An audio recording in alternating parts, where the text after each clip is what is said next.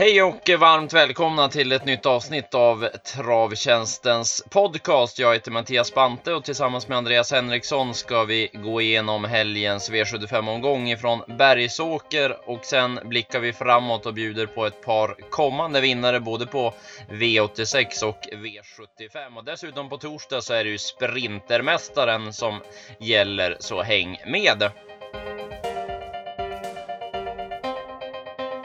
Ja, Andreas, vi drar igång direkt med Bergsåker och eh, ja, det var ett par riktigt riviga race vi fick se och fin sport var det också denna lördag. Det var det. Det var flera jättefina prestationer. Tyvärr en hel del galopper också, men eh, som du säger, det var ju några riktigt bra insatser vi fick se. Ja, det var lite konstigt det där som du säger. Det var mycket galopper, men samtidigt kändes ju banan som att den var jättesnabb med tanke på tider och sånt i övrigt. Så det var lite, lite dubbelt på det viset. Ja, det är möjligt att banan var lite stum kanske, plus att det var en del galopper i de här E3-loppen. Och det var ju V75-finaler och lite extra vässat på sina håll, så då blir det en del galopper också. Eh, det började med skräll i V75 1 det blev ju lite av ett blufflopp med lågt tempo med Wollsted i, i ledningen och då såg ju ja, loppet vikt ut åt honom, men så blev det inte alls innan det var klart. Nej, han lyckades ju hålla ut on track-piraten med lite mindre marginaler än vad man kanske trodde han skulle göra. Eh, sen fick han ju dämpa och då borde han ju verkligen ha vunnit, men han vek ner sig och det är ju lite så med de här snabbloppshästarna att eh, det, ibland så är de inte på humör och då spelar det ingen roll hur, hur långsamt det går utan då ger de sig ändå.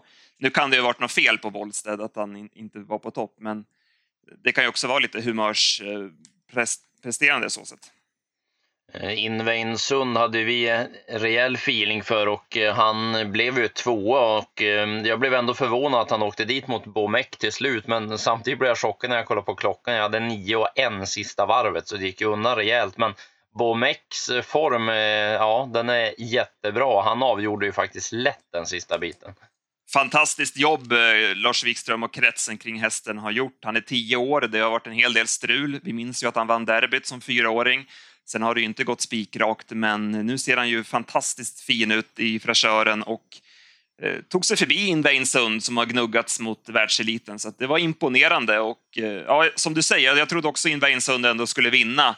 Men det var lite grann som på Charlottenlund att eh, då, nu lyckades han ju hålla sig på benen, men det, jag vet inte om han tvekar eller om han blir trött, men det är som att han liksom rumplar till på upploppet och tappar lite stilen, eller vad, vad tycker du?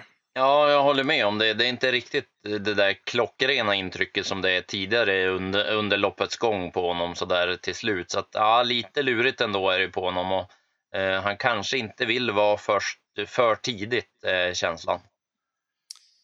On track-piraten så valde ju Kai Widell ryggledaren. Han hade ju chansen att ta dödens, men det var ett eh, klokt beslut tycker jag. On track-piraten har ju fått flera tuffa lopp och han hade inte kunnat vinna loppet från dödens. Eh, Kai drog ju norsken också, så att eh, även om han kom upp i rygg till slut så var det ju inte något direkt sparat i mål. Nej, jag tyckte detsamma. Och, nej, som du säger, eh, bra för Piraten att få ett lite, lite snällare lopp också ändå.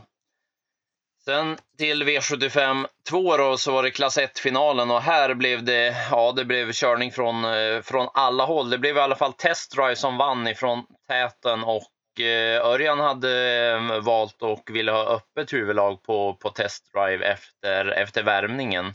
Och eh, så blev det, men han, han vann ändå.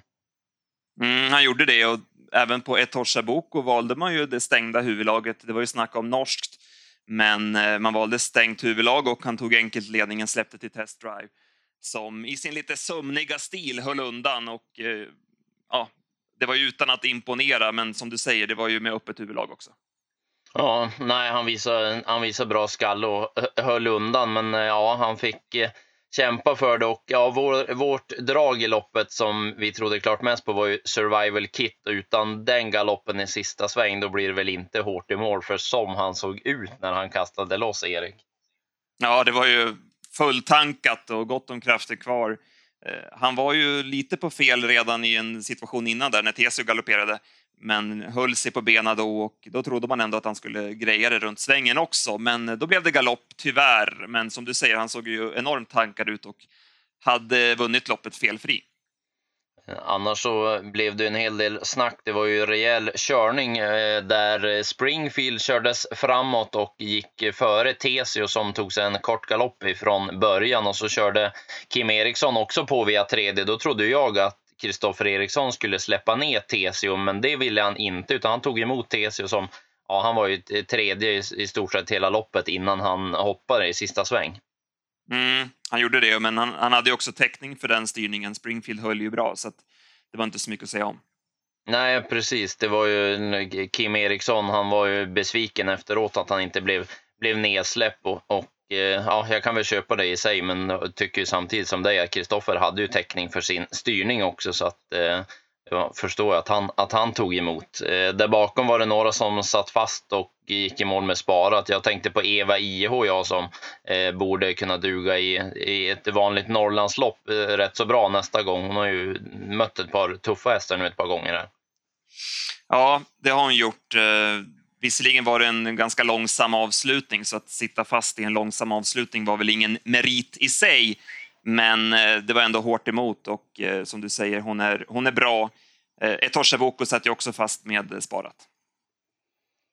Vidare till V75 3 då, så var det E3-finalen för Stoen och eh, det inleddes med galopp direkt för både Dibaba och Vamp Kronos.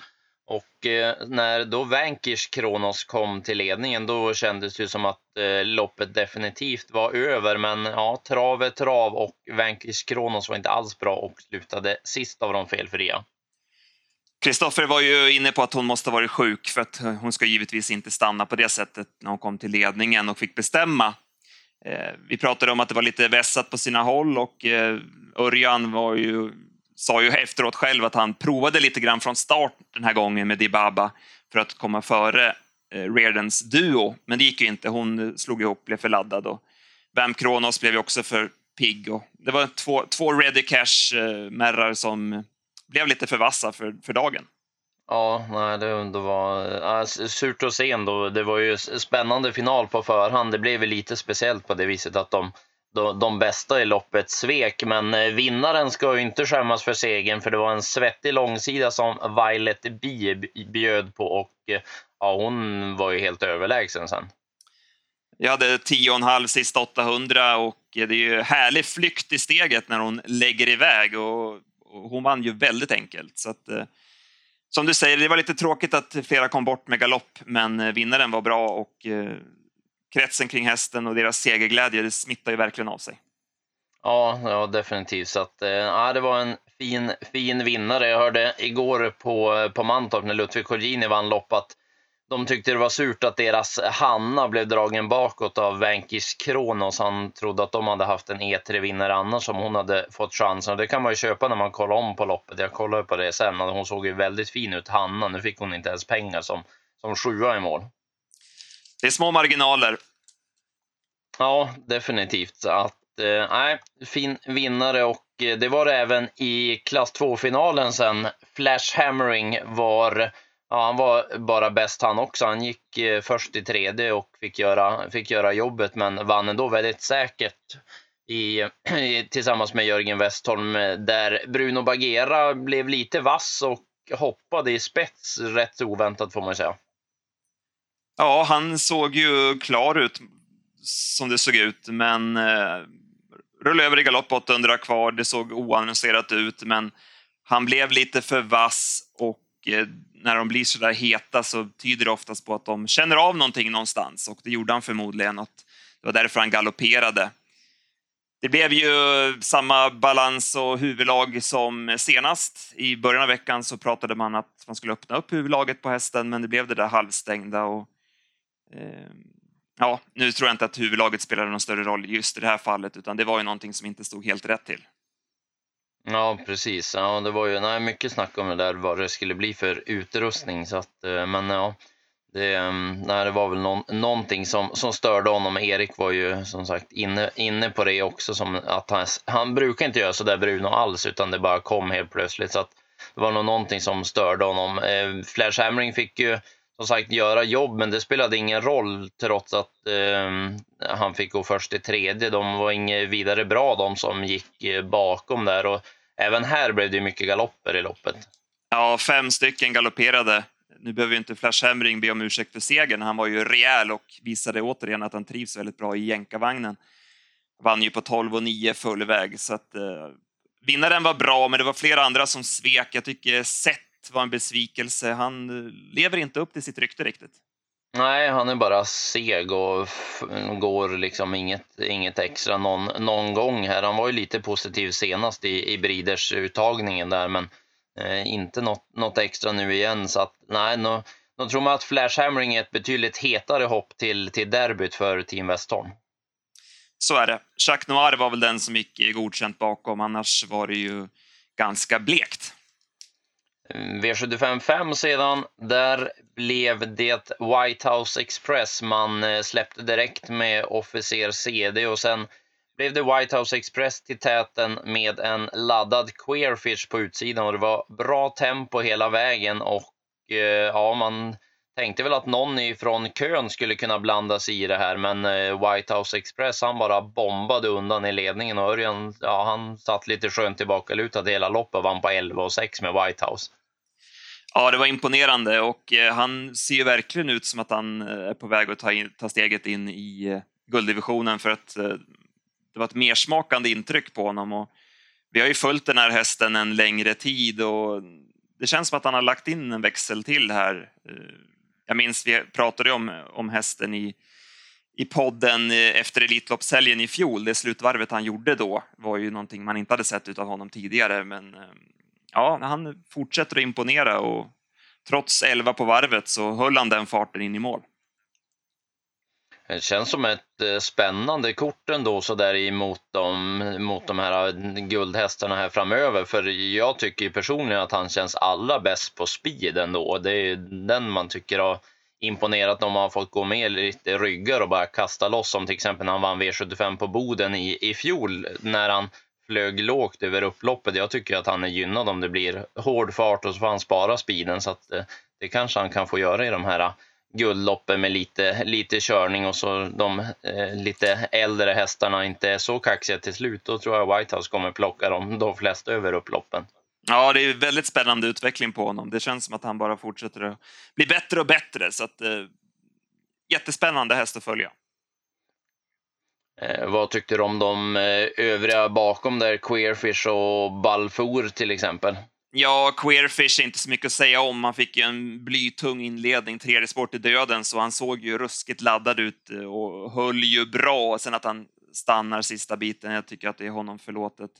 Eh, Balfour vet jag inte riktigt. Han hade ju lite problem, tycker jag, som runt sista sväng. Han attackerade ju 1100 kvar, Jan Norberg, och jag hade strax under 12 sista varvet, men det sprang ju de flesta den här dagen. Sen kom han upp i ryggar till slut och var väl inte helt tom i mål, men han springer lite på en tum och hade lite problem runt sista sväng, så jag vet inte riktigt vad jag ska säga om den där prestationen. Vad, vad känner du själv? Ja, men jag håller med om det. Jag tyckte också han var lite svårbedömd för jag tänkte eh, spontana tanken när jag såg loppet så där på, ja, när han tappade och hade lite problem. Jag tänkte oj, han var inget bra. Och sen satt han lite fast där då igen sedan. Det var lite lurigt ändå hur, ja, jag, jag, jag tror att jag lutar åt att jag inte tyckte han var något extra alls ändå. Det, även om det såg bra ut över linjen så var, var intrycket i övrigt så där tyckte jag. Ja, snarare negativt än positivt, det, det håller jag med om. Eh, mm. annars, annars satt ju Catch the Cash fast, lite småfast den sista biten. Eh, det var väl kanske den då. Ja, jag tyckte också att det var den som... Hon, hon borde väl få vinna ett lopp snart om hon är ute i något lämpligt storlopp eller så. Hon har ju nästan bara mött, äh, mött hästar i sin klass nu och gått bra varje gång lite i skymundan så där. Så borde väl kunna vara vinst i ett lämpligt storlopp för, för henne om hon inte behöver möta de, de, de allra bästa. Precis. V75 6 då. Sen var det E3-finalen för grabbarna och Eh, ja, han är fortsatt obesegrad, Juan Perdy, som vann på 12-8.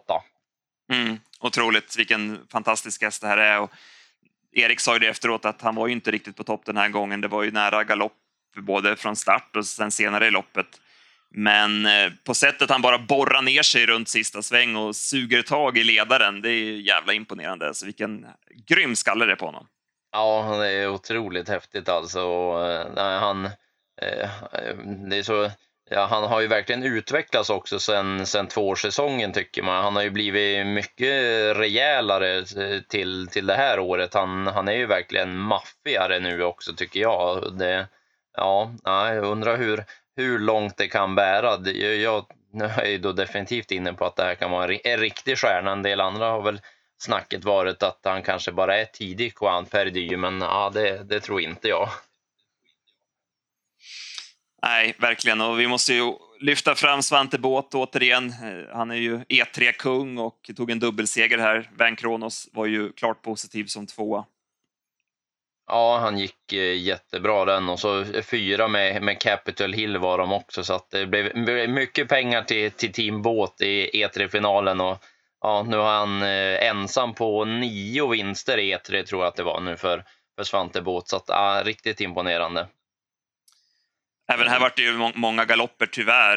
Det blir ju lite så som vi nämnde tidigare. Det är lite, det är lite synd, men det är skönt att Juan Predi skötte sig och, eh, och vann och fick visa sin klass. Ja, det var ju ändå skönt att, att favoriten funkade och gjorde, gjorde det han skulle. Det var ju annars eh, Kalle Crown hörde jag Kristoffer Eriksson sa att han var alldeles för laddad bakom bilen, brukar inte alls bete sig så. Och eh, det, det, var något nytt och sen han sa det att som, som kusk så är man i stort sett chanslös vad man ska göra när, när en häst beter sig sådär. Det, det, det är ju nästan bara galopp som det kan bli då när, när hästen skruvar upp sig på det viset. Och, ja, det var ju långresa och sådär. Det är väl sånt som såklart kan ha ställt till det för en treåring. Precis. Eh, annars där, där, bakom tycker jag man måste plussa ändå för Lucifer Lane. Han hade ju dåliga ryggar och fick ju Global Unpoco lite i knät på bortre långsidan. Jag tycker han gick jättebra i skymundan. Där har de fortsatt en väldigt fin häst. Mm, exakt, han hade ju chansen att välja invändigt Johan A Nilsson varvet kvar och då är han ju någon placering i alla fall eh, längre fram. Eh, för jag hade 11,5 sista varvet och då är han alltså ute och får Global on Poco i knät när han galopperar. Så att, eh, hade han valt ett invändigt eh, lopp så hade han ju varit eh, topp tre förmodligen i loppet. Ja, det tror jag också. Avslutningen sen då, då blev det Melby Drake och eh, ja, sammanfattningsvis är det väl bara att säga att han helt enkelt var bäst. Han, han krossade Västerbo exakt och sen höll han undan för de övriga via en snabb slutrunda han har hittat en nivå till för att han har inte tålt att göra jobbet på det här sättet tidigare, men utvecklats och eh, var riktigt rejäl och Janne Norberg på berghästarna, det är en riktigt bra kombination. Ja, verkligen. De, eh, de skördar framgångar hela tiden känns det som. Och, eh, nej, som du säger, han har ju inte alls tålt den här typen av upplägg och bara vunnit ifrån döden hur som helst tidigare. Men det, det gör han ju nu och ja, Money to spare där bakom som satt i andra ytter, han var ju mest bara seg och sågs ju, sågs ju aldrig med chans han. Nej, han drog tussarna tidigt och det var inget tryck i honom så att eh, han var väl en, eh, en besvikelse även om han höll farten. Jag tyckte annars att det var Noche Buena Face att ta med sig. Den hästen gjorde ett jättebra lopp senast på V75 och nu sköt han till bra. Så att går den ut i en Norrlandsomgång på V64 framöver borde ju han vinna. Sen kanske han blir betrodd därefter också, men eh, han har ju väldigt bra form. Västerbo Exakt var ju blek i ledningen. Han hade ju värmt dåligt, vilket vi rapporterade in i slutspelet dagens dubbel, så det var väl ingen förvån... Det var inte förvånande för oss att han skulle vika ner sig. Linus Borg blev ju utan pengar, men jag tycker ändå att man kan ta med sig honom. Det var ju helt fel. Han fick ju, de gick ju ut med Grand Ale av någon anledning i tredje spår, så att han fick ju den i vägen. Jag hade strax under 11 sista varvet i skymundan utan att Erik pressade honom. Så att, eh, man ska nog inte ta Linus Boys nolla på för stort eh, allvar här, utan han gick fortsatt bra. Ja, jag håller med om det. Jag kollade om loppen här på morgonen och då tänkte jag det på just Linus Boyn. Så att han, han, han biter i bra över upploppet igen när det liksom är helt, helt kört. Så att, eh, ja, den får vi fortsatt hålla koll på här framöver. Det blev ett, och, gäng, ett gäng att hålla koll på. Ja, precis. Om vi ska eh, korta ner det till, till någon var så där, vem, vem känner du mest för där? Jag misstänker att du är sugen på Lucifer Lane, så jag kan väl inte ta den då. Eh, men jag säger Linus Boy då. Jag, Ja, men då tar vi Linus Boy och Lucifer Lane och sen var vi väl ge gemensamma på Catch to Cash kanske, så tar vi en, en, en trio där då. Det låter bra det. En titt framöver då. Det blir ju V86 på Lindesberg på onsdag och Eh, ja, vid en första titt så såg det väl inte eh, direkt jättelätt ut även den här onsdagen. Att V86 kan ge bra, det är ju verkligen sen, sen gammalt.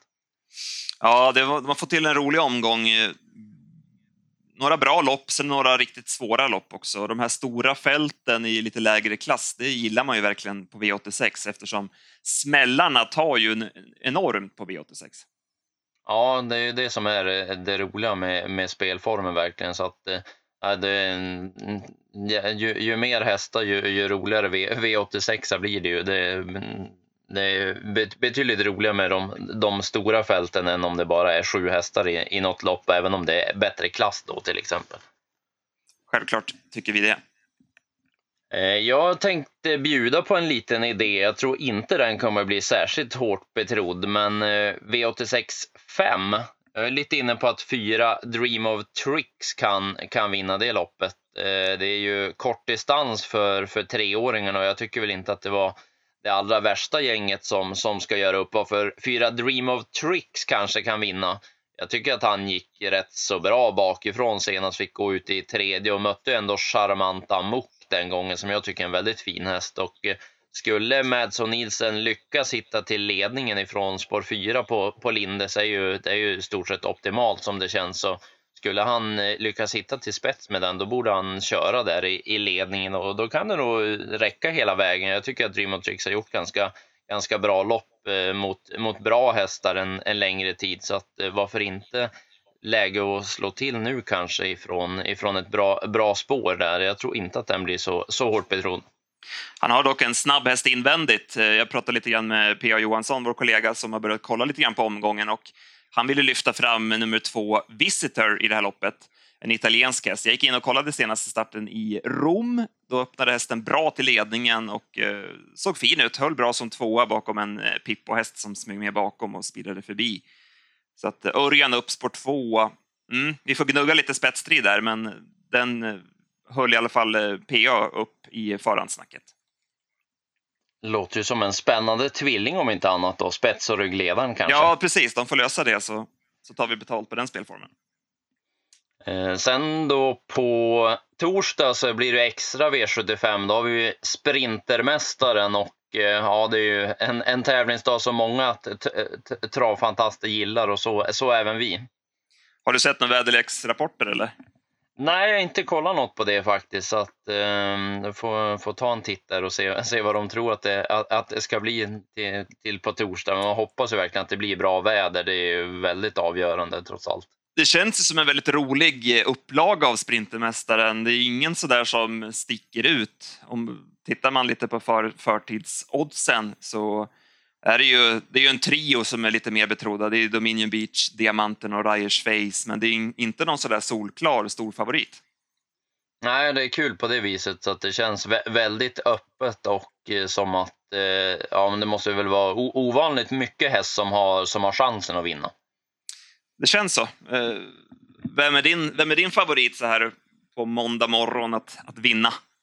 Eh, jag säger nog, även om spåret kunde ha varit bättre i försöket så har jag varit väldigt inne här en tid. Jag tycker han går bra varje gång och så är det väl lite läge att göra lite ändringar nu då när det är Sprintermästaren. Jag tror att Dominion Beach vinner. Eh, jag tycker han har gjort jättebra lopp och eh, värmningen senast på, på Rättvik var jättebra. Då, då fick jag den där känslan att ja, men han kommer nog vara, vara i ordning till, till Sprintermästaren och det borde väl som sagt vara lite läge att göra, göra de där ändringarna. Det har varit surr om länge nu så att man får väl kolla hur det verkar i, i försök kontra final om det blir några ändringar och sådär. Men jag tror nog att han, eh, ja, han, han smyger med till en finalplats på, på bra vis och så får de, får de åka i finalen sen tror jag. Så jag, jag tror på Dominion Beach. Vem, eh, vem har du feeling för? En Anke Lasse alltså? Ja, precis. en, så, en sån tänker jag mig. Så att, eh, ja, den, den är jag sugen på. jag kan hålla med om det. det. det. känns ju som favoriten på för, förtid. jag har ju en liten eh, outsider-tanke. Nu hamnade ju han också i det där tuffa hitet med Dominion Beach och Make the Mark. Men Global Trust tycker jag är en jättespännande häst. Eh, han är ju fortfarande färsk och är väl lite osynad i de här sammanhangen, men ändå på sättet han sprang 11,5 senast med gott om luft kvar i lungorna och det var ju en liten, men lite halvkall vårkväll på, på Solvalla. Eh, och han, var inte, han har ju haft lite problem i svängarna, inte varit helt perfekt i travet där. Men nu har han fått träna på här. Han har inte startat sedan dess och eh, Nurmos har haft gott om tid att förbereda honom inför det här loppet. Så jag tror att han kommer vara riktigt preppad. Och äh, jag är inne på att han skulle kunna överraska. Jag såg att det fanns 40 gånger på nätet. Det tyckte jag kändes högt. Äh, det, är en, det är en luring att se upp med.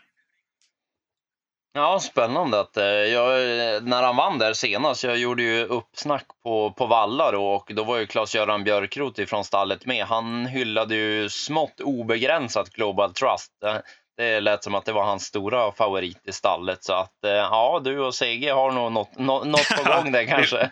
vi får spela tillsammans. Jag får, vi får göra det. Nej, men det, det är ja, en det... Spänn, väldigt spännande häst. Skulle han, skulle han vara fräsch och, och fått lite mer styrka och kunna hålla ihop travet här så det är en riktigt bra häst alltså, det tror jag.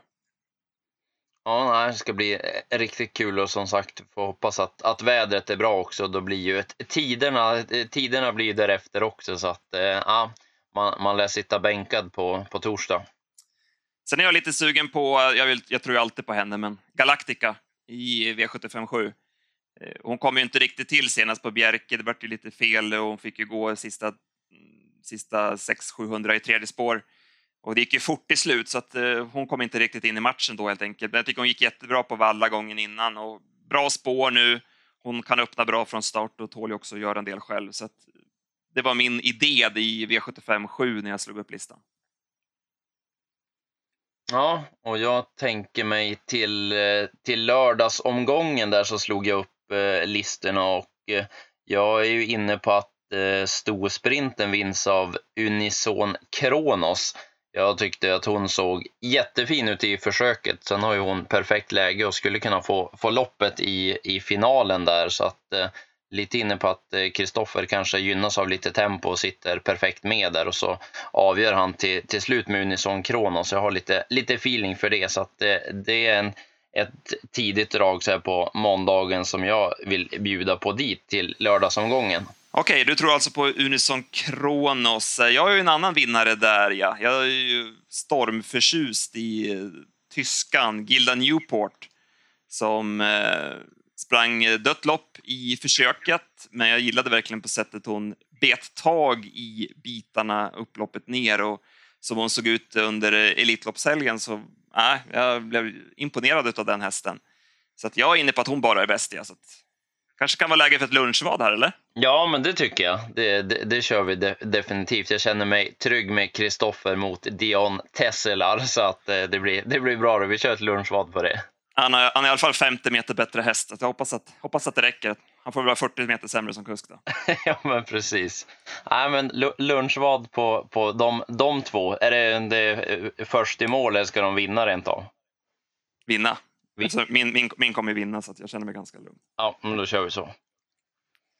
Vi, eh, vi, kommer, vi kommer ju ha tips till, eh, till alla de här omgångarna såklart, så det är bara att hålla koll på travtjänsten.se när vi släpper de, de tipsen. Och så får vi jobba in ny, nya vinnare där. Det var ju ro, roliga omgångar alla de här dagarna, både onsdag, torsdag och lördag. Så det, det blir kul. Jag hade tänkt att avsluta podden med ett litet tips för de som vill se en fin häst. Eh, du, du kanske inte följde loppen ifrån Lycksele i fredags, Andreas, eller gjorde du det? Nej, kanske, kanske inte. Nej, eh, men eh, det finns i alla fall i arkivet för de som vill se ett jättefint kallblod verkligen. Jag har ju varit på Lycksele sen jag, sen jag kunde gå och jag kan säga att det här är den finaste talang jag har sett på Lycksele någon gång.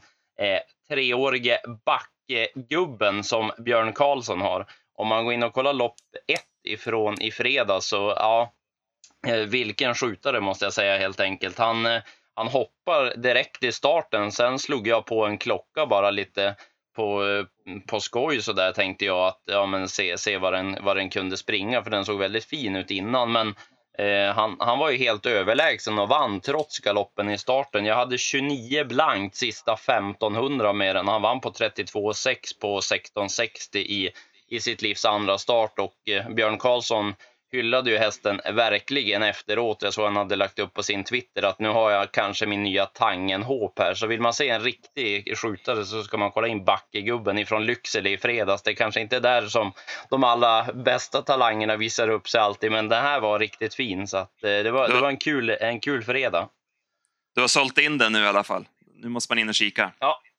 Ja, ja in och kika på den så får vi eh, njuta av den uppvisningen och så letar vi nya vinnare i arkiven. Själv ska jag dock ta, ta semester här ett par veckor, så du får hålla ställningarna, Andreas. Jag får göra det. Har du något planerat? Eh, nej, det blir nog rätt, eh, rätt så lugnt faktiskt. Inget, inget jätteinbokat. Så det är väl Lyckseletravet den här eh, veckan som, eh, som väntar tisdag, fredag till att börja med. Men jag skulle tro att man fyller ut eh, flera av de här semesterdagarna med traven då här framöver mm. sen. Så att, eh, det känns nog som att det är rätt låga odds på det. Det låter bra. Håll, håll dig på travbanorna så, så är jag nöjd. Ja, precis. Äh, bra det. Hörs vi allihopa. Ha det gott. Det gör vi. hej. hej. hej, hej.